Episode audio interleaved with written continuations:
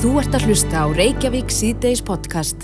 Þeir sem horfða á söngkjöfna kannast nú þetta lag hækkum í bótt með mm -hmm. Sun City og Sunnu. Já, Ressi, Ressilegu slagari. Einmitt. Mm. En uh, aðeins tengt þessu lagi, það vakti aðtekli þegar að lagahöndurinn, Sveitn Rúna Sigursson, mætti í peysu uh, með skilabóðum mm -hmm. til Pútín, má segja. Já, beitn útsendingu í, í sjónarballalandsmanna og Já. hann er sestur hér, Sveitn Rúnar, verðt velkominn. Takk fyrir að bjóða mér. Þú setti fæsluðin á fjöspólkina sem að vakti mikla aðtekli. Já, þetta var nú með ráðum gert og, og vel útugsað því ég fast nú við starf sem læknir þar sem að sannleikurinn er ofarallu. Mm -hmm. En ég er bara í þeirri stöðu, knúin og, og, og nauðugur að sinna þessu og varandi sannleikan þá snýst þetta stríð okkar allra um upplýsingaflæði og uh, sko það er svo oft sagt að sannleikurinn sé það fyrsta sem deyri stríði en hann hefur nú verið svona í döðategunum í Rúslandi frá fallið Sovjetríkina og, og dýlst engum að það er ekki verið að sérfræðingur í atveldlistfræðum til að sjá uh, að, að sendi herrar Rúslands og Íslandi er að fara með lærð orð af tómri steipu í öllum sinu vitölum uh, og tilgangum minn í dag var í rauninni mjög skýr að, að taka orð og, og setningar og hótanir sem okkur hafa búið til eirna á, á, á, hérna, í ofnbjörnum frettaflutningi í rúsa mm -hmm. um þessa þjóð, um þetta fólk snúi svo kvolv og, og hótað umkringja sendraði frá sömur hlýðum á þeirri austinni landið uh, vopnaðir kór og lögum frá Úgrænu og langdragum tómutum og svona eitt og annað talandi ró, svona hótandi en ekki hótandi og allt svona gert af mesta vinskap en samt ekki. Þannig að þú tekur orður ússana og, og snýrð þínum orður já, svona svolítið upp á þá. Já, og, og hvað, hvað drýfur mann til þess að minna á þetta? Til dæmis það að, að eh, núna er verið að svelta eh, fólk í Mariupól, fallið borg í Ukrænu sem að nú e, sagt hýstir 200.000 manns í hvaða sjötta dag án matar, ramags eða hita í, í hörmulegu veðri og fólk er að drekka upp úr drullubóllum uh, og, og hérna ég hafa því fregnir staðfestar að, að það verður til dæmis uh, stór bíl af matválum sem hefur komið sér fyrir að halvu rúsa og myndavilar til þess að mynda það þegar fólk myndur koma hlaupandi að sækja sér mat til að borða. Svo þeir getur nú fært þær falsfrettir ennina ferðina heim að þeir væru að bjarga fólki frá nazistum uh, af sama meiði er öllum flóttalegum út úr landinu stilt hann upp að fólk flýi eða landamærin í átt til þeirra sem eru búin að leggja þetta næststæða landa Evrópu í rústir. Og það er gert því, að, að, með það markmið að myndavelar og, og sjónsfólk geti myndað og sagt frá því fólki sem kemur hlaupandi landamærin þakklátt rúsum fyrir að hafa frelsað sig undir aftur okki eh, nazista í Úkrænu mm. um, þetta er allt legar og það sem ég vildi gera í dag var einfallega að senda pílu og um leið kannski minna fólk á það að, að, að sko, staðan í, í frásögnum og, og, og svona fulliringum að halvu þeirra vondu er algjörlega styrluð. Og hvernig viðbröð hefur þið fengið við þessari svolluðu pílu? Uh, já, bara mjög góð, mjög góð og, og við erum bara í þeirri stöðu öll sem eitt að vera með öndana í hálsinum yfir því sem er að gerast og bara raunverulega hrætt og áhugifull eftir tvö ára af streytuvallandi umhverfi í kjölfar COVID mm -hmm. af þessu stríði og hvert að muni leið okkur og heimsvísu. Og ég er bara að reyna að finna hugur ekki hjá sjálfur mér til þess að sinna þessu vegna þess að ég hef ekki val og okkur hef ég ekki val, jú, ég meina barnið mitt er halv ukrainst og það eru Baba Nina og Dita Oleg sem að sem hafast við núna í feilum í sömurúsinu sínu 80 km vestur af Kíjev 40 km frá Sítumir sem eru orðið illa úti. Á milli þessa tveggja staða Sítumir og þeirra eru hérna tjetsneskar morðsveitir Þorp í 5 km fjarla frá þeim er Gíurinn og, og þau eru sem betur fyrir núna frá því held ég í gær komin á landamærunum og þeirra staðin er svona efruðskur grundu og maður kannski upplifur þetta fyrir en þið en en átta sér samt á því að þetta snertir okkur öll jafn mikið að lokum mm -hmm. ef ekki þá bara efnahagslega að minnstakosti að þá þurftum við hjónin bara að setjast niður ég er nú ótrúlega nokk ansi introvert eh, hérna, einstaklingur og, og það er ástæð fyrir því að ég syng ekkert af mínum lögum sjálfum sjálfur, þrátt fyrir þægilega og góða nærveru uh, og kona mín hefur, er ekkert fyrir það að byrja tilfinninga sínar á torg eða hleypa fjölmjölum að ættingi sínum. Mm. En við tókum það ákvörun og kingdum því trægulega að við yrðum að vera til staðar, ræða og fræða, segja frá, vera í fötum sem eru með yfirlýsingar til þess að minna rúsa og ringi heim og ræða og fræða. Því að staðin er þannig á heimsvísu að hvorki mér ni ykkur leifist að taka ekki afstöðu og, og fjölmeilar fyrir að vanda sig gríðarlega að ekki einu sinni taka þátt í því að fá hingað inn í stúdíu til ykkar fólk sem vil tala fyrir stríðið eða einhverju slíku að færa einhverju raukfyrunu gagstaða. Ég ítreka bara um er að ræða sambaralegt ruggl eins og að fá hérna einhvern í stúdíu sem telur að jörðin sér tvífið pönnukaka og allir sér að ræða við hann og taka hann alvarlega, mann er bara hlátur í huga og það þarf að vanda sig í, við alla umfyllun. Þú fylgist vel með fréttum frá Ukrænu og náttúrulega konaðin er þaðan eins og segir. Mm -hmm. Hver er staðan núna? Staðan er svolítið ólík því sem hún var í gær. Vissulega er hart barist og það er setið um þessar borgir í söðri og, og stríðið er náttúrulega löngu tapað af halvu rúsa. Það likur fyrir að þeim mun ekki geta herð ekki landið og hvað þá haldið í og það er svona handahófskent verið að sprengja upp eh, borgir og bæi og skiptir ekki máli hvar sprengjar lendir heldur bara að, að þeir brjóti það sem að hefur einst hvað sterkast hinga til og, og það er hjarta landsmanna mm. að, að landsmenn búist og, og, og byggjum grið en það hefur hverki gerst, ekki einu sinni í rúsneskum meðlandi borgum og það er nú kannski ein röttin sem er hljóma ránglega undanfarið að að, já, menn, er þetta ekki bara læja því að þarna tala fólk rúsnesku í Luhansk og Donetsk og Krím? Um, við tölum öll ennsku og ég segi ykkur bara sem læknir að ef ég er að taka múti unglingi vital þá fyrir ég, eða í helsugæslu þá fyrir ég að vanda málfar mitt og einfalda frásögn því að orðaforðin er ekki svo sami okkar og ennskar orður svona annar móðumál okkar og það að fólk eigi sér annar móðumál, til dæmis svona minn tala rúsnesku en ekki úkrensku vegna þess að það er bara meira notað að heimsísu, mm það er mhm. praktískara það þýðir ekki það að fimmar á barnið mitt spurji mig ekki grátlandi af hverju Rúsland sé svona vond og sé skjóta þeim og hafa mm -hmm. þannig að þetta hefur ekkert með tungumál að gera þetta hefur bara með skipuluð morð að gera í næstasta landi Evrópi, í bakarði okkar mm -hmm. Um, Í bakarði okkar er mitt og við erum að undirbúa hér eða að byrja að taka móti flótafólki, hver er staðan á því núna þegar við erum að tala hér saman? Já, staðan er með öðru sniði hvað tvent varðar heldur en kannski fyrri áfull og fyrri flóta.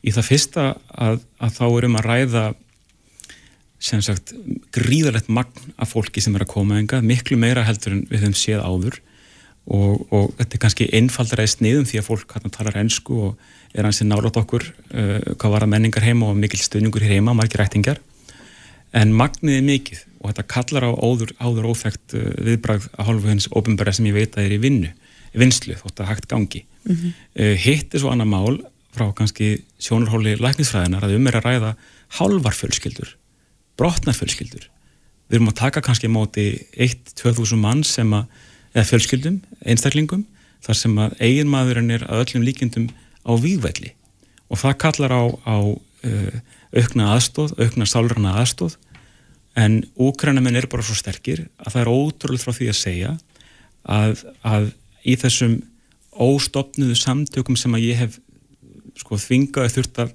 takast á hendur síðustu vikuna að þá myndi ég segja að helmingur þeirra sem að er í hluturkum við að hjálpa og senda peninga og sækja gafir og keira frá flugöldunum eru flóttamenn sjálfur sem um leið við lendingu hristaði af sér og fara að hjálpa til fara að vinna fara að vinna Þetta er átakanlegt og við skulum bara vona það að, að þessu ljúti sem fyrst, ég held að heimsbyðin byggði fyrir því.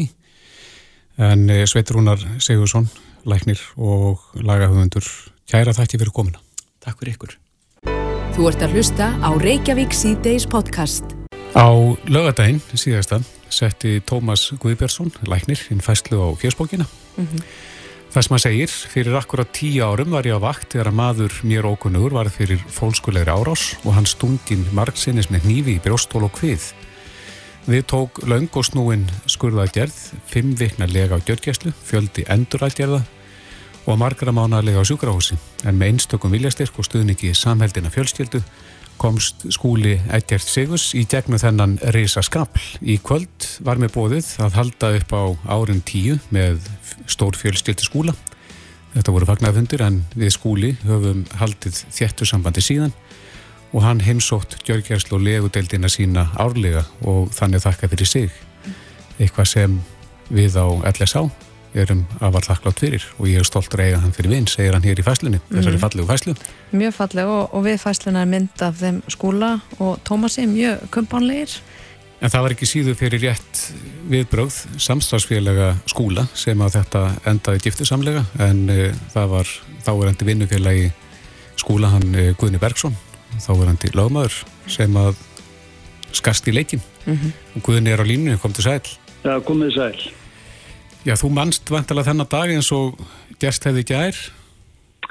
Já, ég verð nú að viðkynna það. Hann er auðvitað, mann er mjög minnistæðir e, bara vegna þessa atbyrðar og, og, og hvað mikið var í húfi þennan dag á endanum og, og e, maður svona á það til og kannski svona tímamóndum auðvitað að leiða svona hugan tilbaka að, að þessum degi. Mm. E, endur upplifur einhvern tíman tilfinningar eða eitthvað sem gerðist þennan dag svona bara í daglega lífinu þínu á þess að þú kannski já, sem, að, sem að stoppar þig eða svona fær á þig? Nei, ég hef nú ekki gert það. Ég, ég hef nú svona stundu velti fyrir mér öfna, hvort að maður myndi fá einhver flashback eða einhver slíkt eða einhver endurminningar sérstaklega frá þessum degi en, en, en, en eða, eða svona þessum átökum en það hefum ekki verið þannig og, og við erum oft rætt þetta í skúli og, og og eh, hvað þá hann eh, held ég hafi ekki heldur verið að, að jásta því og, og maður er svona sloppið við það þannig að það er bara vel að því að þetta var óneindarlega óneindarlega já svona ískikileg uh, atbörður ás og, og, og verknæður og raun og veru já þannig hálf óreinulegt að lendi þessum aðstæðum. Getur þú lísta eins því sem að gerðist þarna þennan dag?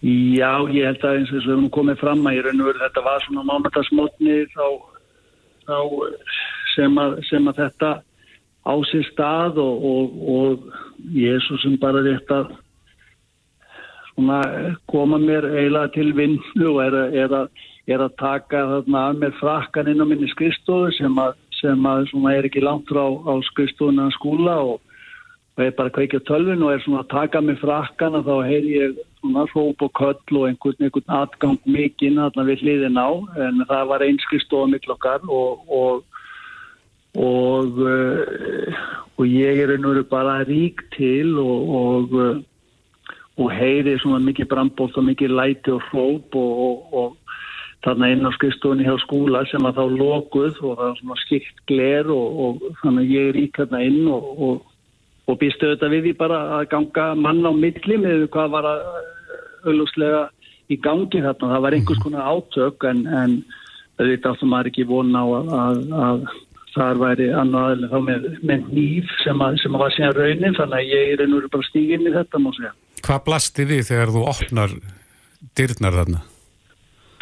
Já, ég er einhverju bara maður árásumæðin að gera árás á, á hann skúla og, og þetta gerist auðvitað gríðilega hrætt og, og, og uh, þetta eru svona, svona má segja sýtmyndir sem er, er með auðvitað í huganum en, en, en þá er, er skúla farið að blæða og svona í fyrstu aðrá þá, þá sé ég ekki að, að, að, að árásumæðin sé með nýf en svo, svo verður það manni ljóst og og svona í sömu svipan og ég reynir verið að, að ég stýr hérna inn á milli og reynir að, að, að fara á milli og sjáðu sér að eiga við árásumanninn því að skúláttur undir högg að sækja og, og, og reynir síðan bara að grípa til hans og skella honum í gólfið og, og eiga síðan við að reyna að ná hýpnum á honum og næ því á endanum að berja berja hendinni niður þannig að, að, að hann, hann, hann hýfur eins og satt, hann sleppi þá lóksins nýpnum en,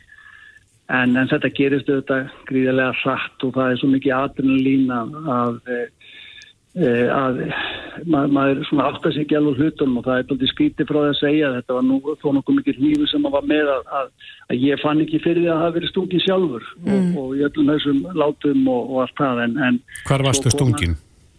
Ég var stungin á, á tvo staði í, læri og, og hérna e, og e, já þannig að ég var stungin þar og annar svona skurðurinn daldi eh, stóru og mikill og, og, og hérna þannig að og ég fann ekki fyrir því samt og, og það var eiginlega ótrúlegt það var ekki bara þinn eftir að ég átt að ná því að það var að byrja að blæða niður löppina að ég hef verið stúkinn og hérna en síðan komum menn hérna að og í raun og veru e, ég kallaði að sparka út nýpnum og síðan bara komið bráðulega þarna að mjög fljótlega og og auðvitað skúli fekk þessa aðstóð sem hann þurfti og, og það var auðvitað í raun og veru stókostlegt að, að einhvern veginn hvað þetta gerðist það skjótt að við fengum hjálp og, og, og bráðilega komu og hann komst í aðgerð mjög fljótt og Tómas auðvitað og hans teimi, lagnateimi og síðan hjúgrunteimi í kjálfari vann auðvitað kraftaverk og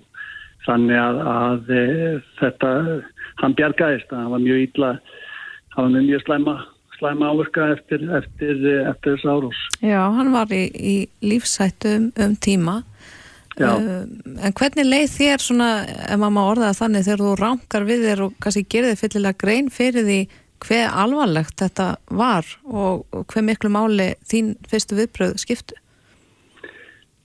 Ég maður þetta í svona ákveðin losti, Ma, maður trúir þessu valla og fólk sjálfur að, til aðlýningar og slísarstofuna og, og, og hérna Eh, en, en það er bara fyrst sem kemur upp í hugan hvernig þarna, hvernig þetta skóla myndi reyða af þarna, ég vissi að ég er í lægi en, en, en það var það bara fyrst og fremst maður bara trúði alltaf hvað hefði gæst og, og svo var auðvitað orkan í, því auðvitað bara að, að, að fylgjast með og, og, og reyna að vinna úr því og vona þetta að, að, að skóla myndi reyða sem best af og ná sér af þessu og það þetta, var tísint en sem betur verið náðan sér og, og, og, og það gekk vel og það hjálpaði menni síðan í öllu ferlinu eftir að, að takast á þetta að skóli var þetta skóli svona þótt að það tækja tíma að koma til heilsu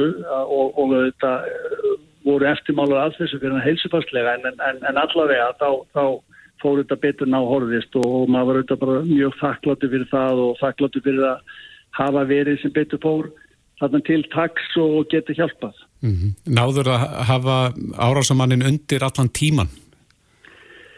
Nei, það tók einhver tíma að, að, að, að auðvitað nátökum ánum nátökum ánum og, og, og, og fást við hann og eins og segi, ég menna, hann náði einhvern veginn að stinga mig og og maður vissi ekki eins og að því þannig að þetta var þetta barótt að, ná hýpnum en, en, en, en ég er svona já, já, það, það og maður, maður áttast ekki, voru það 10 sekund 20 í raun og veru, það voru erfitt áallega en þetta voru auðvitað átök en það þó nokkuð stóru mikil maður en en síðan komu þarna menna sem að fóru líka að hjálpa til við skúla því að hún er blættið þetta mikið og þannig að þetta var, þetta var bara svakaleg svakalega atbörðar ás og einhver sem að við auðvitað ég maður hvað þá og sem betur fyrir við veist, að þetta auðvitað er einhver sem að gerist ekki að svona alveg árásverði í, í bara dæluðu lífin og skristuðu á Íslandi það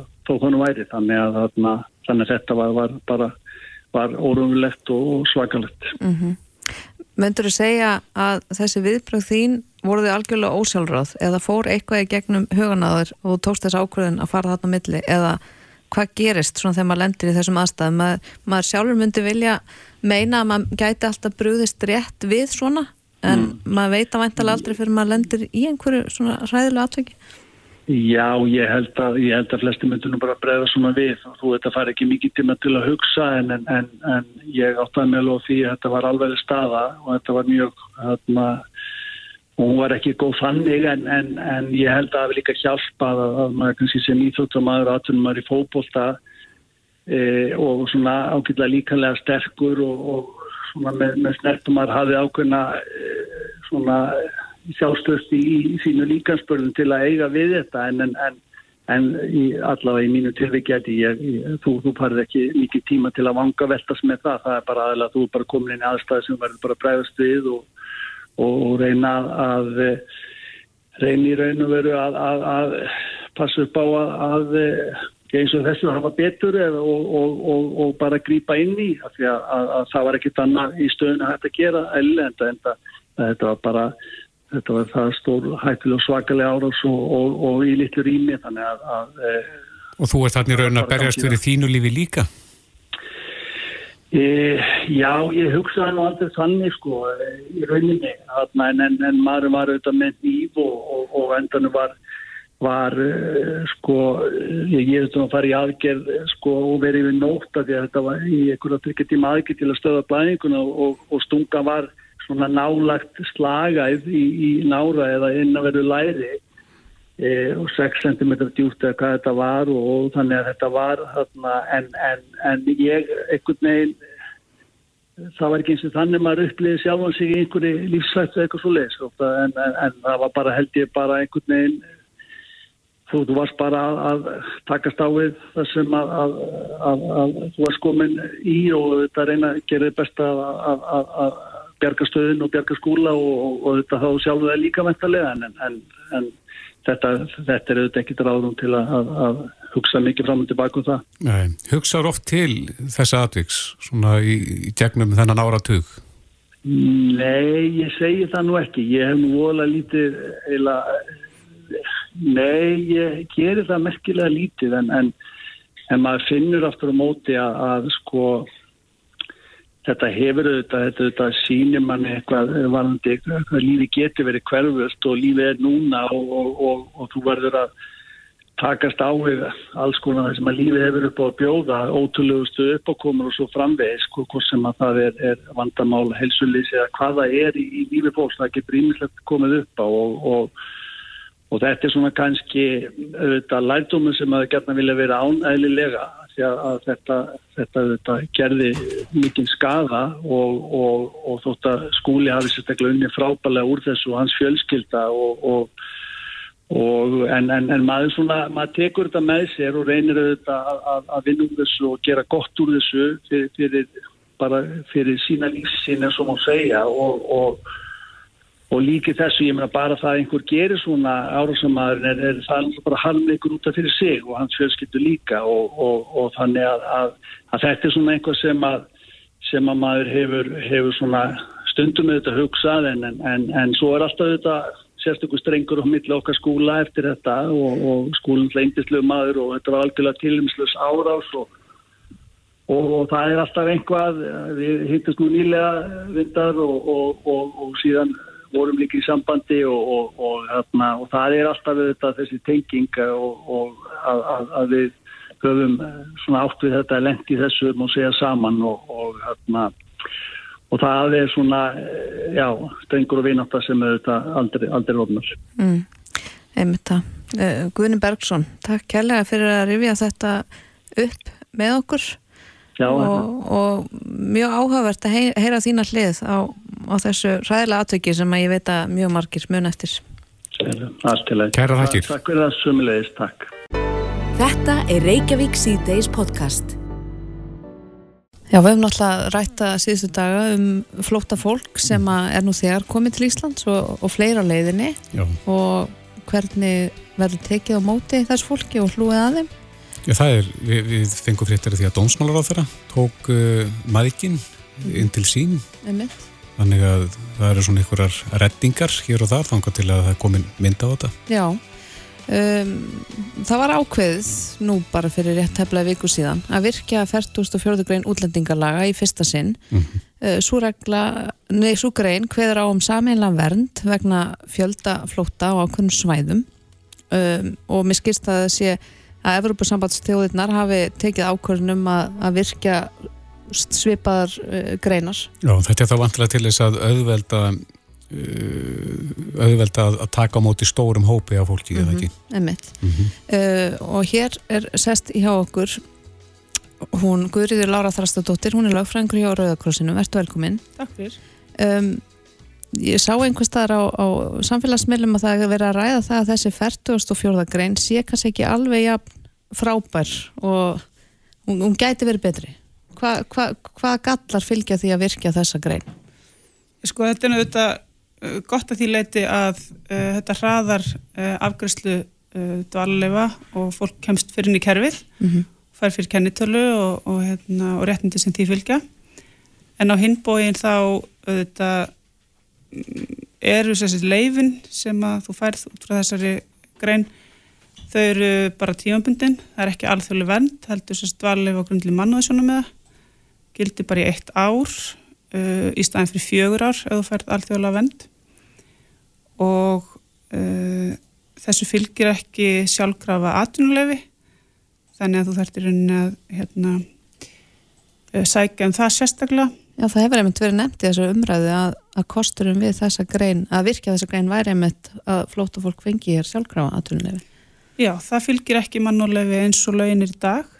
Það þarf að gera ákveðna breytingar á uh, lögum um atvinnréttindi útlendinga til þess að svo með vera. Um, það sem er líka sérst að það er heimilt að uh, framlengja þessi leifi í alltaf þrjú ár. Það er svona eins og ég lesið að verða að fresta uh, afgræslu á umsóknum um alþjóðlega vend mm. að því síðan verðist uh, sínist mér það að það sé hægt að sækjum alþjóðlega vend í rauninni uh, að þessum tíma liðnum sko þannig að þetta getur verið langur uh, svona óvissu tími hjá fólki sem að uh, sem sagt, fær þessa samölu vend mm -hmm. Er gert ráð fyrir því að, að fólk sem kemur undir þessum formerkjum samkvæmt þessari grein að það staldri stutt við. Að það sé bara tímabundi á meðan að stríðs ástand varir. Já, sko það kannski má lesa það einhver leitu út úr þessu að það sé svona gert ráð fyrir því að þetta séu átök sem uh, vari um skemmri tíma. En eins og uh, annað flotta fólk sem hinga kemur þá er þetta bara ómulett að spá fyrir um það. Mm -hmm. um, ef að þessi grein hefði ekki verið virkuð þá þetta hefði um, það fólk sem kemur frá Ukrænu fallið undir uh, ákvæði útlendingarlaga um viðbótavend um, bara eins og sem komi hingað hérna á síðast ári og hérna þannig að sko að mínu viti þá er e, á allt, allt fólk frá Ukrænu rétt á alþjóðleiri vend og fjárhæra dvalið mm en svo kemur þessi grein sem er virkjuð og hefur ákveðna kosti en ákveðna galla líka. En, en það flóta fólk sem kemur uh, hinga núna út af því að þessi grein var virkjuð og vill svo kannski eftir áriða tvö vera hér með fasta búsetu er það ferlið þá orðið auðveldara út af því að það kemur hinga uh, á þessum fórsendum? Í rauninni er það floknara. Hvernig þá? Það er að, þetta, þetta leifi sem fólk fær uh, með þessari samilu vend, það er segir, gildir í eitt ár og getur ekki verið grundvöldur ótímabundis hérna, uh, dvalleifis mm. þannig að þú þurft að sækja umrun eða það er sóttum eða framlengt eftir ár og þá getur sagt, fengið leifi sem að getur í rauninni byggt undir uh, ótímabundi dvalleifi og það er síðan ekki fyrir þú búin að vera hér á þessu leifi uh, eins og, eins og ég les þetta í fjögur ár sem þú getur það fengið sótum búsituleifi sem er sérst varlegt valleifi. Hvað með atunuleifi? Eh, fylgir það þessu? Það fylgir þessu ekki, nei, ekki eins og staðnir í dag. Þú getur hins vegar sótt, sérst, ef þú færð uh, tilbúin vinnu, að þá getur sótt um atunuleifi sérstaklega og áttur rétt á því. En, en það fylgir þá bara þessu, þeirri atvinnu, mm -hmm. ef þú missir hana að þá þurft að fara aftur að sækja um atvinnuleifi. Þetta er ólíkt, ef þú ert með alþjóðlega vend mm -hmm. og grundlega hennar þá hefur sömu réttindi og íslenski ríksborgar til þess að vinna. En hver heldur að tilgangurinn sé að, að virkja þessa grein svona umfram það að veita þessum hópi alþjóðlega vend? Þetta er auðvitað ákveð hagraði bara í kerfinu og eins og ég segi, fólk kemst fyrir inn í kerfið, er á að vera hraðir afgjörsla á hérna, leifunum og það er minni umsýsla mm -hmm. í kringum þetta. Þannig að eru kostirnir fleiri en gallanir að virkja þessa greini fyrsta sinn? Það fer kannski svolítið eftir í uh, fyrir hvern hver uh, hvar litið er á málið mm.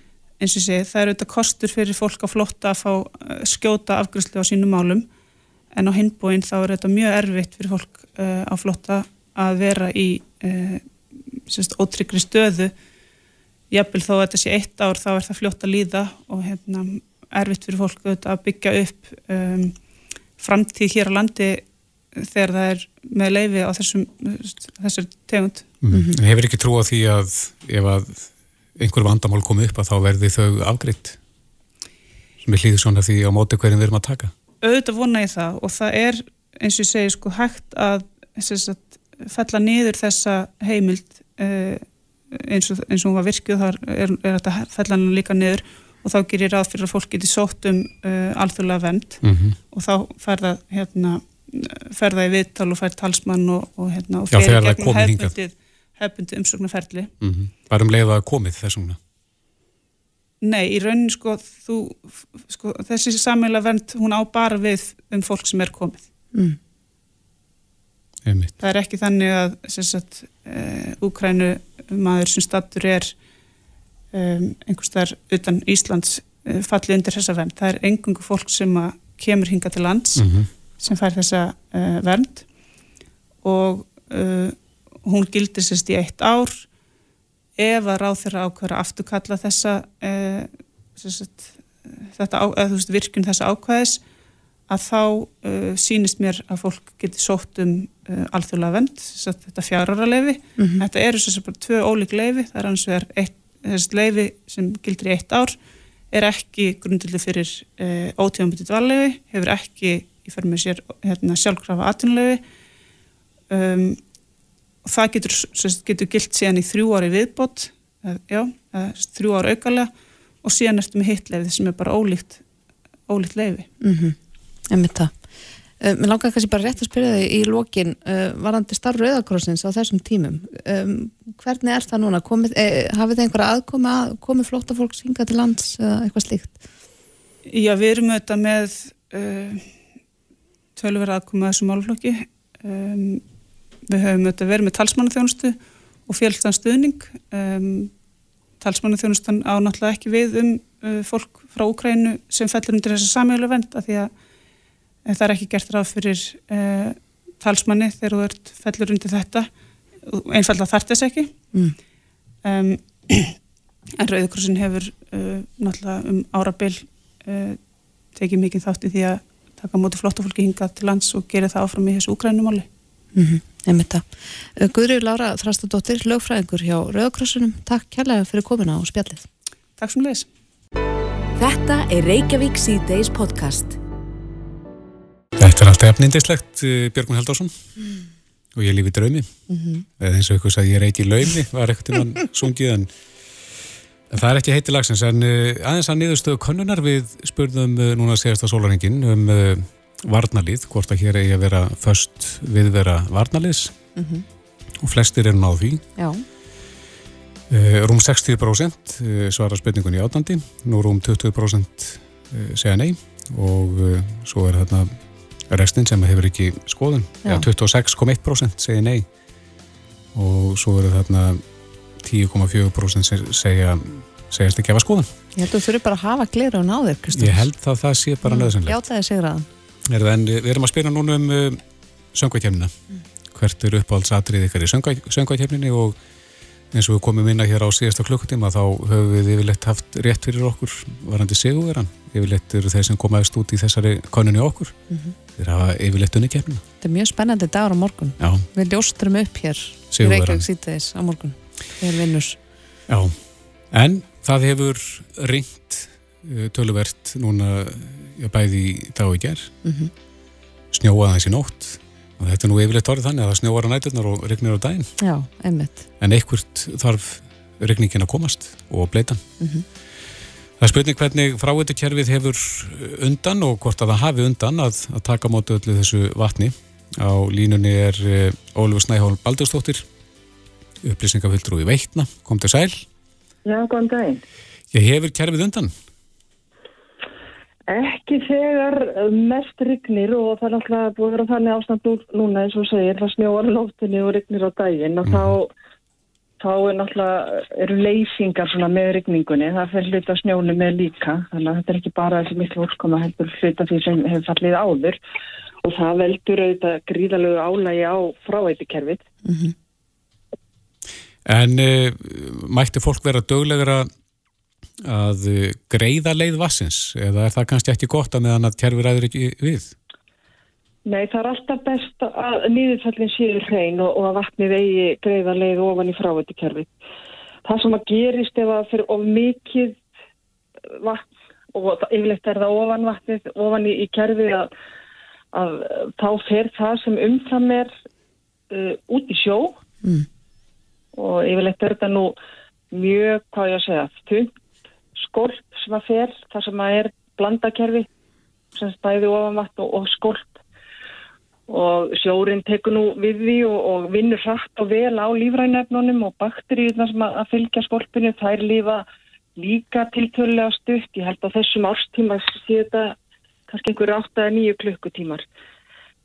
Það sem ættu kannski frekar að huga þegar að svona ástandi er og alltaf Mm. er ruslið Sem fer þarna ofan í? Já, það er eins og ég segi, sjórin tekur hratt og, og vel við Já. og, og þau valda þannig séð engum skada en, en, en ruslið hins vegar gerir það og allt rusl sem að fyrir klósett, það, það, gæt, það gæti endað, það er ekki allt en, en hlutið þess, það gæti endað út í sjó þegar ástandið er svona í veðrinu, E- e- veðrið er að hafa sér svona. E erum við virkilega ennþá að henda miklum óþarfa í klósendi? Já, við erum ennþá að henda alveg fullt, fullt af rusli í klósti. Það á ekkert að fara í klósti nema eins og segir í læginu sem að mörg leikskólabötn eru að að kyrja núna, tískúkur og klósettapir. Já, það er eina. Já, En þið er þetta frá, er það ekki, þetta drasl sem að fer hérna auka, þið siktið það frá, er það ekki? jú, þegar að skolpi fyrir gegnum hreinsistöðnar, þá er það sikta frá og, og urða og það er miklu sniður að við hendum þessu bara í ruslið heima hjá okkur og það farið þaðan til urðunar eða endurvinnsliða hvað það er nú. Frekar en að láta þetta ferðast fyrst í gegnum allt frávötukerfið, bara með tilirandi bara kostnaði og álægi á kerfið, það ykkur allt viðhald og, og bara kostnaði sem á endanum lendir á neytundum. En eins og ég segi, þegar álægið er of mikið á kerfið og meira kemur í það heldur en það getur tekið við, þá fer það sem umfram er út í sjó og þar með það rusl sem að fylgir því. Já, það er ekki að Það er- tilbaka. Hvað segir þau? Það er ekki að skjóta þessu tilbaka. Já, sko, það eru tvær leiðir ef að það er ómikið skolp eða komið bílanir eða eitthvað í kerfinu, þá eru tvær leiðir fyrir skolpið, annarkort óhreinsað út í sjó eða bara aftur tilbaka í, í húsi, húsin hjá fólkinu, ég held að það nú engin. Nei. En, en fólk er samt líka alveg að láta að pyrra sig að það sé rusl í fjörum, mm -hmm. fráveitur rusl og, og ég skil það mjög vel, en við getum alveg komið í veg fyrir það með því að henda ekki rusl í klósett. Ég, ég verð að fá að spyrja þig, Ólaf, hverju erum við helst að henda? fólk. Það er að henda náttúrulega blöyturkum, þær hafa blöytklútum, þeir hafa valdið okkur miklu vandræðum og tannþræði, dömubindum, tannstöngglum jafnvel, eirnapinnum og, og allavega, við höfum fundið allavega hluti í, í tráðkerfinu, gullfiska og, og Já, bleiur. Já, ég veit það ekki hvort það komi alveg stórar bleiur sko, en, en, en nei, ég held ekki. Ég held að Fólk get ekki verið það vitlir og svo er líka að þetta er ekki bara okkar lagnir, þetta eru lagnir heimilisins líka, það getur stíplast einandira hjá þér. Mm Þið ættu kannski að halda skrá yfir mestu sóðana og skjóta skólpurinn tilbaka bara til þeirra, ekki okkar hinna sko, sem að hendum ekki Já, neinn. við, þarna, við fáum þetta allt blandað í einni súpu sko og Þetta er ekki mert. hvaðan það kemur, Nei. þannig að það, það er erfitt. En Ólaf Snæholm Baldurstóttir, við náttúrulega hvetjum fólk til þess að greiða leið vassins af því að við byrjum að tala um það sem er núna bráðna og, og rennur ofan í þarna ofan í, greiða leið þess vass, nummer 1, 2 og 3 Já, vatni getur nefnilega valdið tjóni, meira tjóni á yfirborðinu. einmitt. Kæra þakki fyrir þetta Já, takk. Reykjavík síðdeis á Bilginni podcast. Þú þart nægan tíma, sagður hérna rétt á hann, þú er frá svo miklu að segja. Þetta er bara málefni sem eru ekkit of oft til umræðu og það er margt sem þarf að aðtóa hugsum og talum Hvað er við þá eiginlega að byrja? sko við skulum heldur hugsum sko að við erum ekkert að enda Nei, við erum alltaf að vera að byrja og, og það er langt að við endum. En þú náttúrulega hefur verið í baráttunni mjög lengi. já, já, Eh, ég er nú svona komið til hlés núna sko, Já. þannig að ég veit að læt með þessi máls varða og, og, og tala um það hvað sem ég lífandi get þetta Mhm. er eitthvað sem að hann að bara brennur alltaf á mér. En svona frá því að þessi barátta byrjaði, hva, hvar eru við stödd núna? ég sko náttúrulega við hann að byrjaði sko þá náttúrulega væri við að fara uh, aftur um einu og hálfu öld en ef, við bara tölum svona um mína tíma að þá sko þegar við, við komum með kvennaframbá 1982 þá var það náttúrulega viðbröð við algjörlega óviðunandi ástandi. Til dæmis bara í öllum félagslegu tilliti, ég meina þá voru það var ekki viðlit að fá pláss á leikskólanum með mestarlega hálfan daginn og konur voru að hlaupu með börnin ég, þar á meðal uh, út um allt að fá ömmur eða frængur eða, eða eitthvað sem við borga fyrir heimahúsum til þess að passa skólarnir voru tvískiptir börnin tætt út og söður þannig að það var að konum var ekkert kleift að vera fullgildir þáttækjöndur í samfélaginu og þetta hefur náttúrulega gjörbreyst. Og alveg liðis á tími sem að að menn, sérstaklega kall með kvöku þá eru það allir eins, þeir eru aldrei upp á batna í heimilum, þá bara væri að framleiða börn sem öll eru eins og núna er það alveg nöðsynlegt fyrir börn að vera á leikskóla.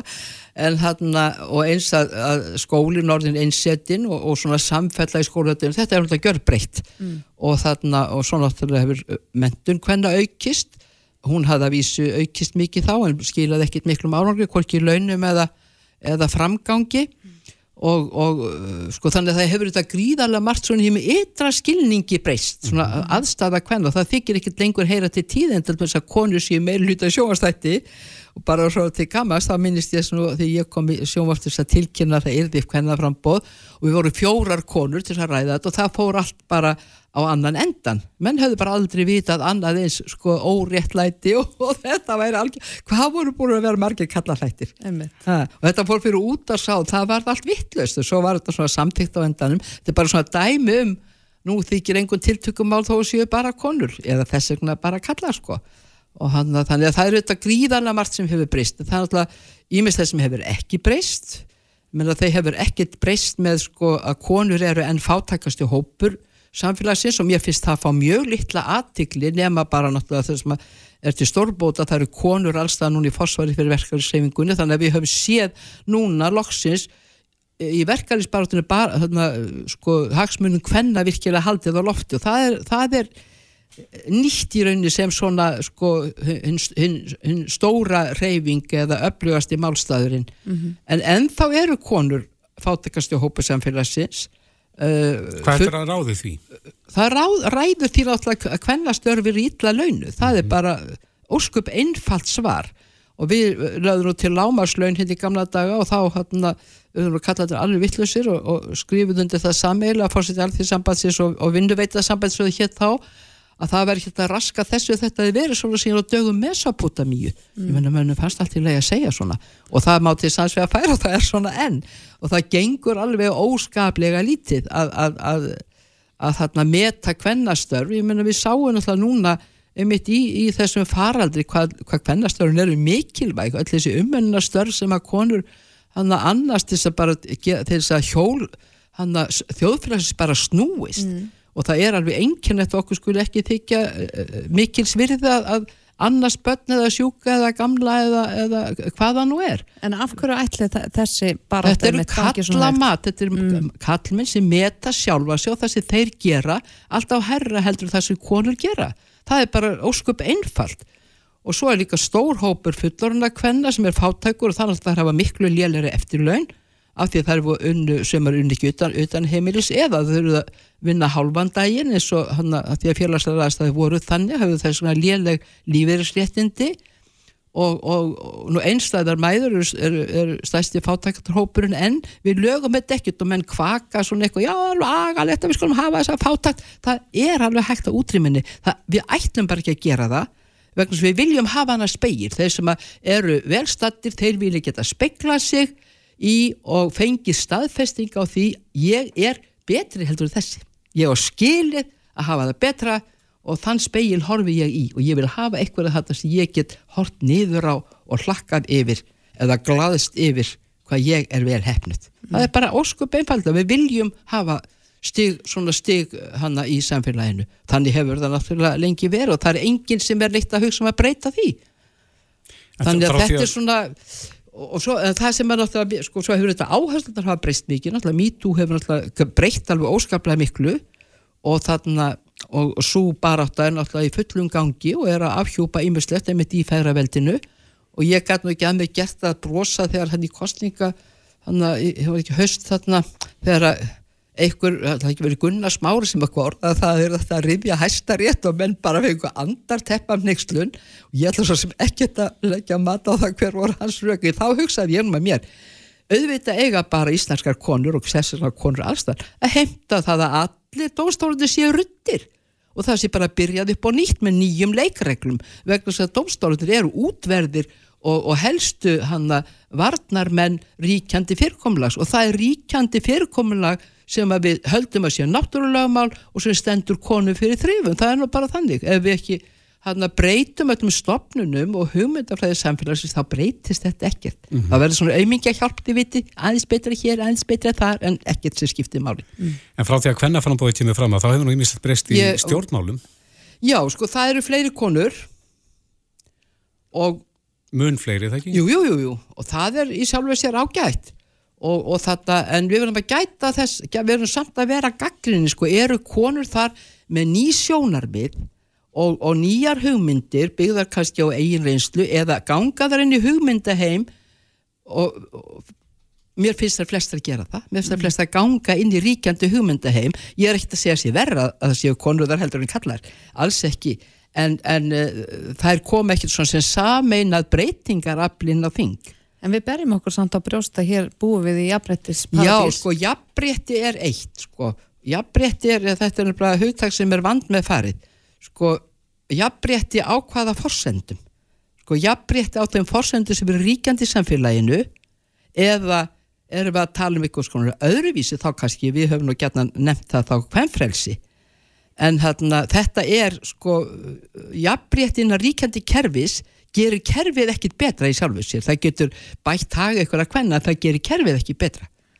Þannig að þetta er allt svona og fólk gengur mjög sko yfirborðslega eða ekki fólk en svona í allri umræðu er mjög yfirborðslega rætt um þetta og þó að við mælumst þarna það sem verður að mæli þess að ég man aldrei hvað þetta heitir ólalöngu tilli þess að við erum alltaf í toppi sko þá erum við að gæta því að það er verið að, er verið að mæla faktorus og þáttökju stjórnmálum aðganga heilbriðs og mentunarkerfi sem okkur þykja sjálfsögur réttindi og hann og byttu hvað er það fleira atvinnu þáttöka mín, ég man ekki hvað er. Þetta eru allt svona sjálfsæðir mælikvarðar. Það er ekkit verið að mæla hitið, eh, það er í raunin ekki verið að að, að sko, setja gaggrinu auga á samfélagið eða, eða, eða uppbyggingun og það er það sem að hann er náttúrulega það sem að ætti að brenna á konu því að fyrr sko það er ekki bara hagur hvenna gæti lagast, þetta er hagur heimsins. Og þetta feðraveldi sem er allt að drepa. Og við sjáum það núna þessa dagana. Er það ennþá jafn stert? Stert, það er stendur algjörlega óhaka, konur hafa engin völdi í heiminum. Ekki nokkur veist, það, er, það er svona í Evrópu og, og veist, en ég meina svona á heimsvísu og konur eiga ekki peninga heimsins það eiga ekki auðlindir heimsins og það eru ekki sko valdahópur sem er að breyta verulegu, aftur vil ég segja þetta skiptir máli, ég meina við tökum bara, mann skilja svo merkeli þetta skiptir þetta máli. Mm -hmm. en, en hérna en, en sko feðraveldi stendur alveg óhakkað með að þeir eigat peninga, alla peningana, allar auðlindirnar, ráði við herjónum og, þarna, og bara hafa þetta allt í hendi sér, þá erum við alveg stött á sama stað. Og feðraveldið sem er náttúrulega árþúsundvara gammalt, það hefur alltaf haft nokkra megin stóður og einn styrkasta stóðin er ofbeldi. Og þeir hafa beitt hver annan óstjórnlegu ofbeldi í styrjaldum, svo við vitum, þeir beita konur ábeldi, þeir beita börn ábeldi og þeir beita náttúruna ábeldi. Þetta er allt ábeldi, við búum í ábeldis fullum heimi. Og þetta er eitthvað sem konur eiga að, finnst mér, eiga að láta til sín taka og þetta er verkefnið, að breyta þessu. Og eins og við sjáum núna þessi hræðilega atbyrður sem er að gerast í Ukrænu og ekki alltaf ég að, að, að gerast fylgikona Pútins eða mæla honum bót. En mér finnst sko hernaðar hljóðið er alveg það sko nú bylja herrlúðra sem aldrei, hljóma herrlúðra sem aldrei fyrr hana, á, í, í vesturheimi. Allir tilbúin í að sína hnefan menn segja ganga samningaborði. Já um hvað ætla menn að semja? Er þetta að koma samningaborði og báði segja fyrirfram að þeir ætla ekki að semja um þetta? Og þeir ætla að hafa þetta svona. Hvers konar aðferðir eru það? Þetta eru kallveldis hnefa móti hnefa aðferðir.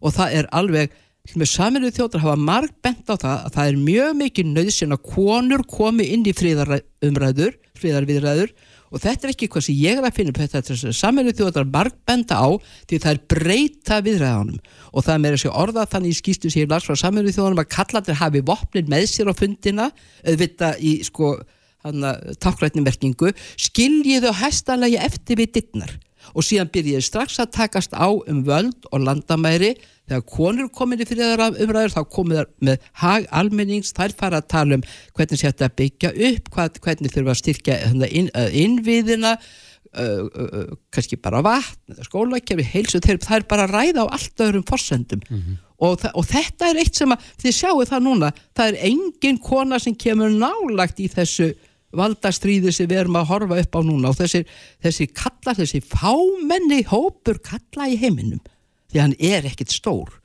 sem að ápenningana og völdin og vopnin og auðlitinnar, þeir eru skadvaldar heimsins og eru að fara með okkur öll til anskotans fyrir gefiði Já, við bara setjum punktin hér eftir þessa eldræðu. Já Kæra þakki fyrir kominu og bara enn og aftur til ham ekki með daginn. Já, takk. Þórildur Þorleistóttir, leggstjóri og baráttu kona Kæra mm. þakki fyrir kominu Takk.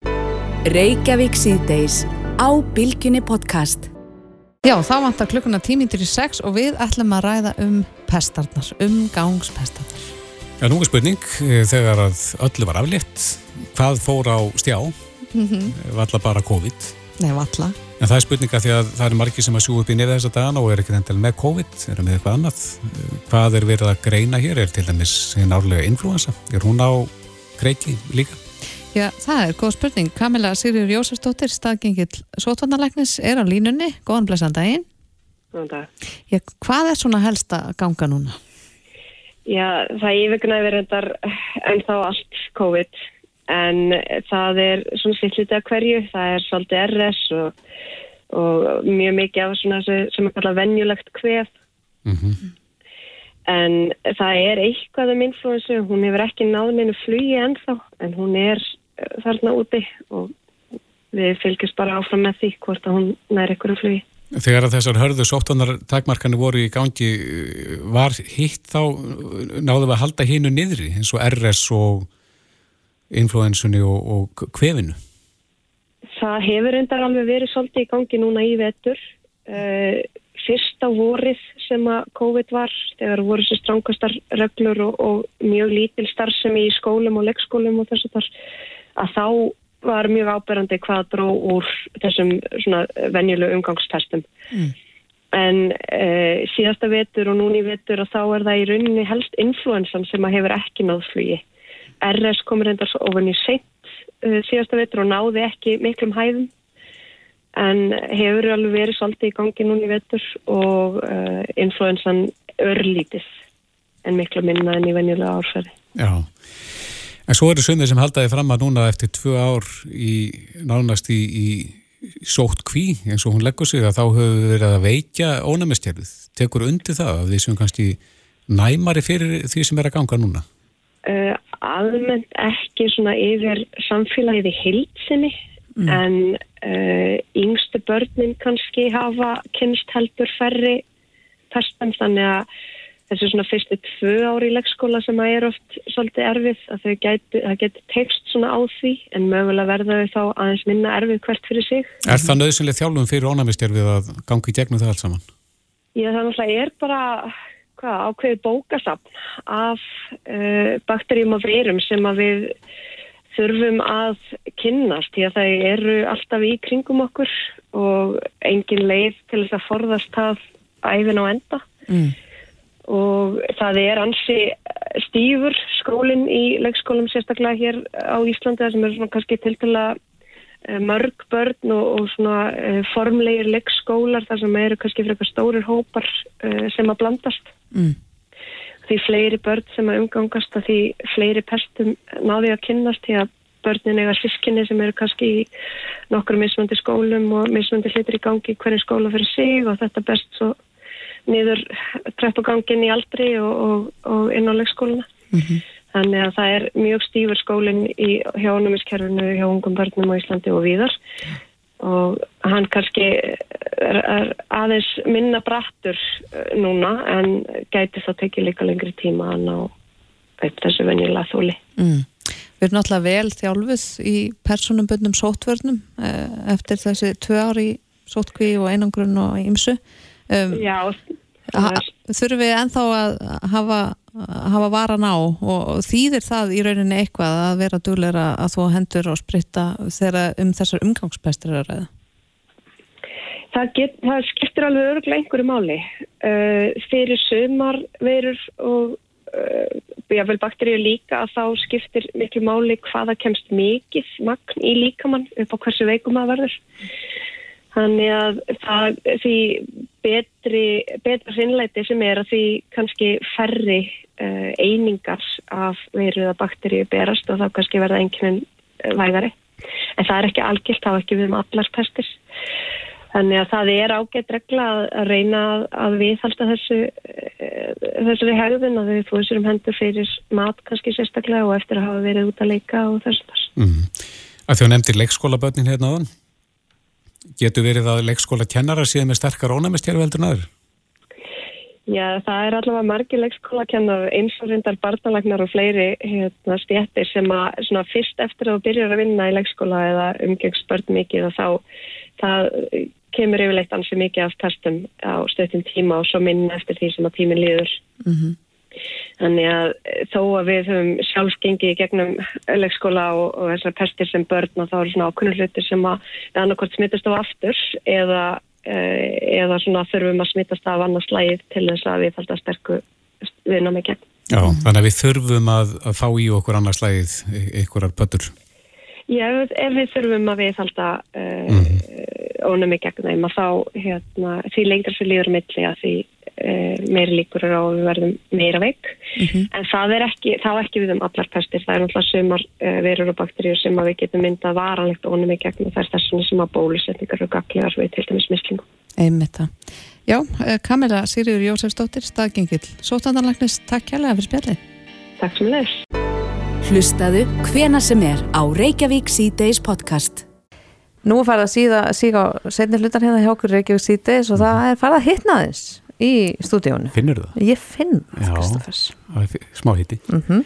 En eh, þessi hitti stafar af ásunninu sem er komið til okkar. Þetta er alveg, þetta er alveg æðisleg hérna, kynning. Ég eiginlega, núna verð ég vöxla frek og heimt alltaf svona Já, er það ekki? kynningu. Já, smá hita í þetta. Hita drotningin. Herðu, en uh, við höfum svo margt að ræða við þig. Já. En uh, þættirniðinir, önnur seri af fyrsta blikinu Akkurat. er að fara að stað núna eftir tvær vikur. Heyri, það er bara að koma að þessu.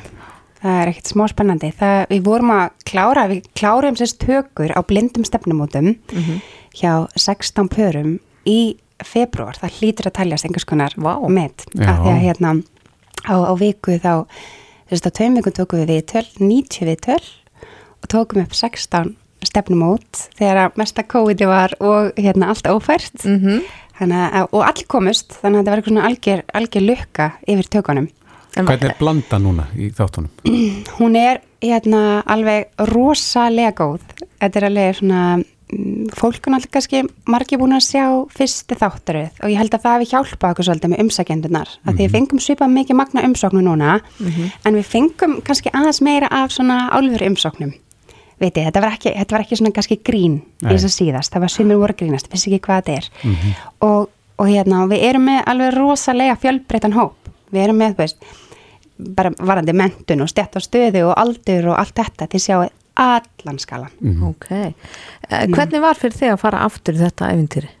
Sko, til að vera hreinskilna það kveiði ég pínlítið að byrja á þessu af því að það fyrsta skipti hefnaðist rosalega vel og við, maður, maður þóttur svo vænt um þann hóp og það fólk og það það sem maður gerði þáttinn, svona Mhm. einstakann og maður hugsaði eitthvað, "Æ, við getum ekki fengið þennan kontrast aftur og við getum ekki og svo bara hérna, um leið og maður byrjaði að hitta fólki og þá fekk maður ástriðina fyrir þessu aftur sko.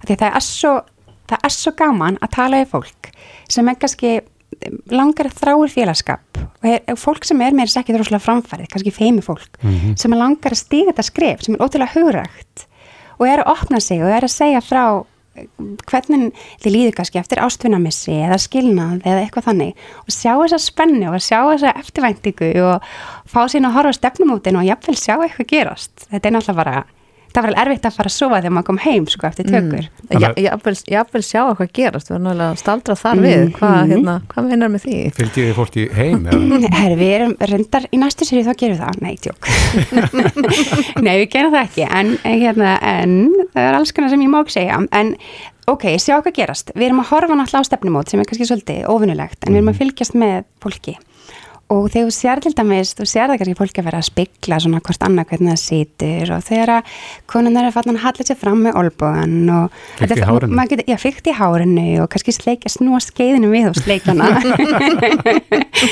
Viti, maður sá svona eh, að fylgjast með þessu og líka bara ekkit endilega þó að kannski hefur allt, alltaf kviknað eitthvað en að sjá samt fólk að brjótast úr einhverju skil Mhm. Mér fannst það rosalega fallegt og á einu kvöldi voru til dæmis með títu og einstaklinga sem voru kannski bara wow, það er ókipis áfengi hérna." og svo kom bara næsta stefnum át og það var bara vá, áttu í álverinu nýju batnaböð, mikið ertu rík. Já. viti, að sjá hennan mun og þessi samskipti og hvað við þráum þetta öll að bara hittast sérstaklega eftir hennan tíma hennan COVID tíma, maður næstu í feimin að fara til búð. Hvað þá að finna sér til og fara að stefnum át sko. Er ykkur frægir í þessari þáttaröð? um, ég, Við ég, vorum með Sigur Lund okkar Já, vorum að hann síðast, segjum sem minnst, segjum sem minnst, Mhm. en hérna, en ve- verða allir rúkslega frægir eftir þess að þáttar. Heldur þú sambandi við þá sem voru í fyrstu seri?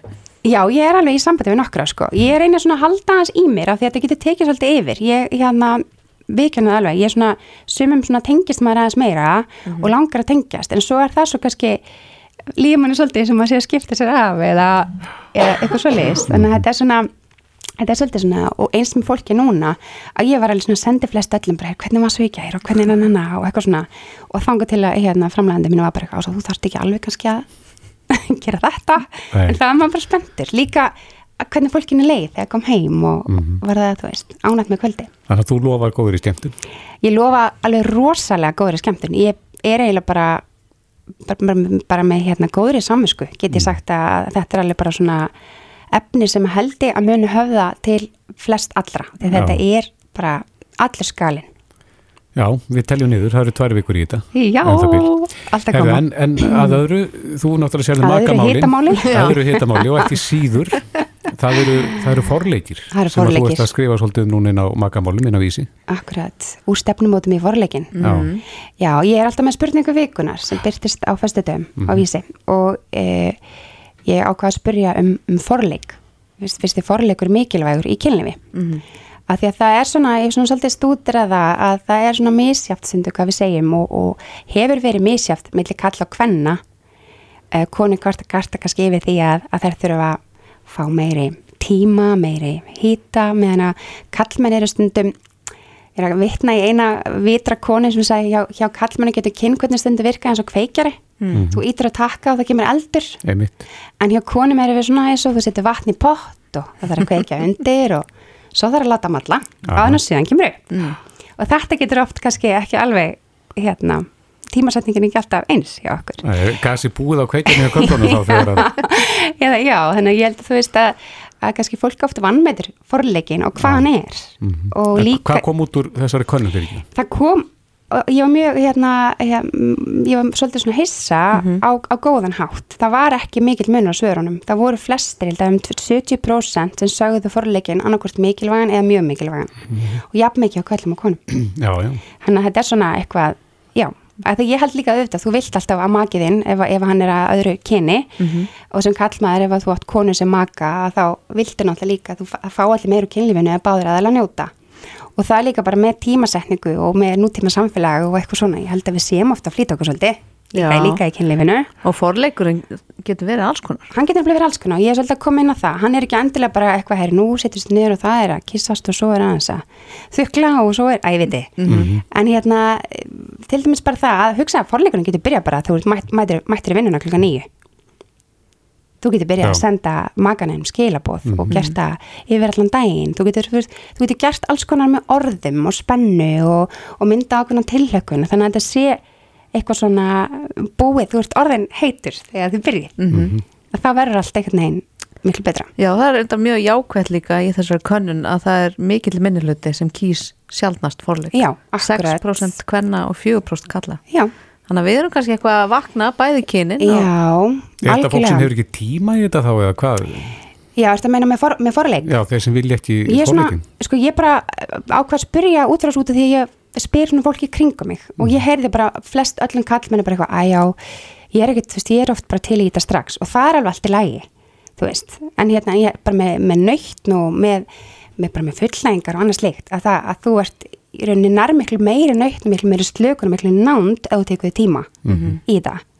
Og það er kannski það sem að við þurfum bara svona aðeins að, það, líka bara læra að komast úr þessar rútinu sem að við förum oft í í kynlífi, það þarf ekki að vera eitthvað svo flókið. Þú kannski tekur eftirleikin næst Já, ég tek kannski eftirleikin næst, akkurat. Hann, hann kuð vera, hans mikilvægur nefnilega, hef ég heyrt Eftir ekki, kottum við, kottum við eitthvað, Lilja. Já, það var góð kona sem saði mér sem að hefur stúderað þetta að uh, konur þurfa meira á eftirleiknum að halda Akkurat. að Er þurfa það kúrið? Já, eða svona, kannski ekki nefnilega kúr, bara einhvers konar uh, tenging, Nándin. liggja, liggja saman, þurfa ekki eins og snertast í alveg 7-15 mínútur Akkurat. eftir fullnæðingu. En það er líka sagt þá að kallmenn sem fófellnæðingu, líkjandi á bakinu, að þetta kveikir á einhverjum svefn, kveikir á, á hérna einhverjum svona svefnhormónum eða hvað, hvað er það, sem að bara hefur svæfandi áhrif á þá.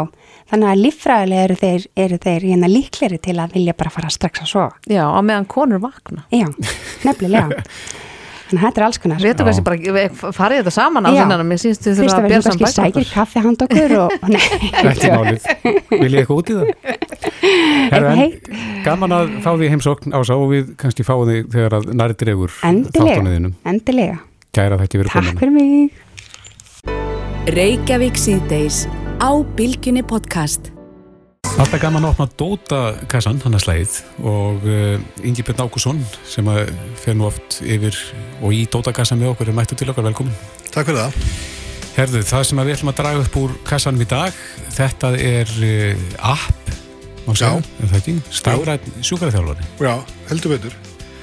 Um, þetta er sett hérna app sem býr til æfingar Mm persónulegar fyrir þig eftir hvernig hérna meðslíðin eru eða ymsli og gerir svo æfingarna með þér í rauntíma. Sýnið þér hvernig á að gera æfingarna. Já, og gerir þér, þannig að það er alveg tímasettar Já, já. og það gerir ákveðin æfingu í 30 sekundur og það gerir þetta svona, þá er bara sjúkarþjálfun, vídjóið, að gera þetta í 30 sekundur með þér. Já, já.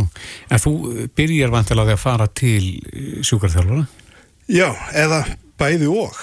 Um, þú getur sér að hérna, það sem er líkilina bakveða er ákveðin greining, bara eins og læknis heimsók. Mm Þegar í dag, þegar þú, lendir í einhver og þarf að fara til sjúkarþjálfara, þá byrjar á því að bóka tíma hjá lækni og býður eftir þeim tíma. Hann fer og spyrði ákveðina spurningar inn að komast að því hvað er að og ávísor svo til sjúkarþjálfara. -hmm.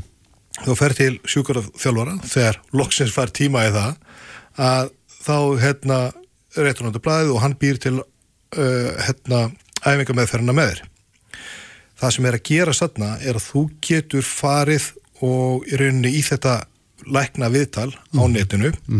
Þú svara spurningunum nákvæmlega eins og þú ert að svara hjá lækninum og appið býr til þína æfingar áallin þannig að þú þart ekkert að býða þart ekkert að fara til læknis. Þú getur rauninni byrjað strax. Án þess að sjúkarþjálfari komið við sögu. án þess að hann komið í sögum það sem er hins vegar bakveita þú fær svo sjúkarþjálfara og ef þú hefur einhver spurningar eða það er eitthvað bakveita þá ertu með beint aðgengi að sjúkarþjálfara á stofu bara í gegnum appið Mm Er þetta íslenskt app? Þetta er sænst app sem er í, í samstræði við Íslenska sjúkarþjálfunarstofu á sjúkarþjálfun Mhm. og það eru þeir, þeirra sjúkarþjálfara sem eru á bakveita einn á Íslandi og hvernig dettur þú inn í þetta? Já, þetta er svo, ég var klaufi hérna fyrir rétt rúmlega ári síðan og, og Ulli sprotnaði. Og eftir að, að ég, eftir ég var að vera að taka um á gifsinu þá hérna aðfendi lækninu upp á spítala mér e- eitthvað blað með einhverjum æfingum. Og það var eftirfylgni mín, ég átti að gera þessar æfingar. Og ég náði mér aldrei á góðum, alltaf eitthvað aðeins ílt í hendinni en einhvern veginn fannst mér e, óþarf að fara að býða hjá lækni og svo hjá sjúkarþalórangnin að, að hérna, reyna að bóta þessu. Og svo er ég að tala um þetta við kunningi minn sem er sjúkarþjálfari og hann segir mig frá þessu og að þeir sé að byrja með þetta og, og hérna rauninni segir mig bara skrám inn í þetta. Og ég geri það og ég geri æfingarnar í tvo mánuði uh, fyrir brota því sem hefði kostað mig á þeim tíma sem ég hef ekkert gert og ég kom inn bara með fulla styrki hendina. Og ekkert vesinn og, og þannig heitlaðast ég af þessu. Hvað þarfst að nota, hvaða tæti og tól þarfst að nota við æfingarnar? raunin ekki neitt. Þetta eru æfingar sem þú getur gert bara heima í stofu án þess að þú sért með neitt á hendina bara að vera með síma, tölvu eða spjaldtölvu og þá getur þú séð æfingarnar. Þetta er tilbæði í Android og iPhone. Mm Er verið að útrýma sjúkraþjálfuri með þessu? Nei, ég held að, að það sé nákvæmlega ekki verið að gera það. Ég held að, að það kemur ekkert í, í staðan fyrir að fara á stofuna en það eru ákveðnir hlutir sem getur gert heima í hérna stofu. Og þetta er raunni frika tól til þess að hjálpa þeim að þjónasöllum sem þurfa.